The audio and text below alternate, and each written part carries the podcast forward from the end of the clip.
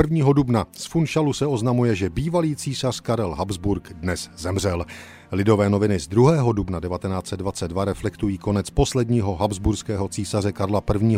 rozsáhlým článkem na úvodní straně.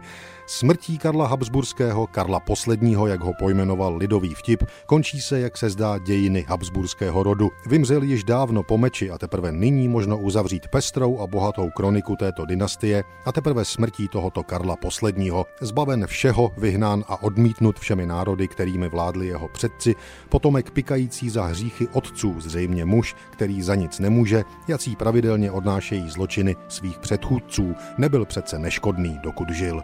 Tolik lidové noviny před stolety.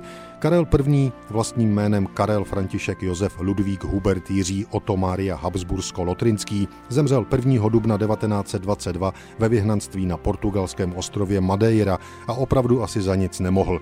Do popředí se dostal vlastně jen náhodou. Jeho prastrýcem byl císař František Josef I. Následníkem trůnu se Karel stal až po smrti Františka Ferdinanda d'Este v roce 1914 v Sarajevu. Na rakousko-uherský trůn pak usedl 21. listopadu 1916 po smrti Františka Josefa I. v poločase první světové války, kterou jeho předchůdce rozpoutal. Zajímavé ale je, že fyzicky byl Karel korunován jen za uherského krále. Na vypuknutí Velké války měl nulový podíl, jeho vláda ale byla prakticky po celou dobu ve znamení úsilí o zastavení bojů. Jeho mírové snahy ale neměly úspěch a navíc se mu národnostně různorodá monarchie začala sypat pod rukama. Konec panování ve staleté říši přišel pro Karla I. s rozpadem monarchie a vznikem nových států ve střední Evropě, včetně Československa.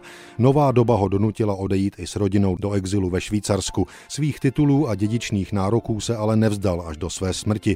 Během roku 1921 se dvakrát pokusil o návrat na maďarský trůn, dvakrát neúspěšně. Evropské mocnosti pak rozhodly o jeho vyhnanství spolu s manželkou a dětmi na portugalský ostrov Madeira v Atlantiku. 9. března 1922 se nachladil, protože ale neměl peníze na doktora, dočkal se lékařské péče až 21. března.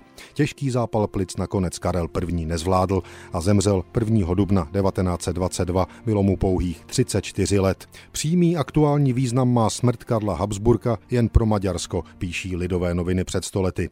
Pro maďarské legitimisty je smrt legitimního maďarského krále těžká rána, která patrně maďarskou politiku zásadně změní. Naše nová, lepší legitimita začíná se 28. říjnem 1918. Jak daleko jsme před Maďary. thank you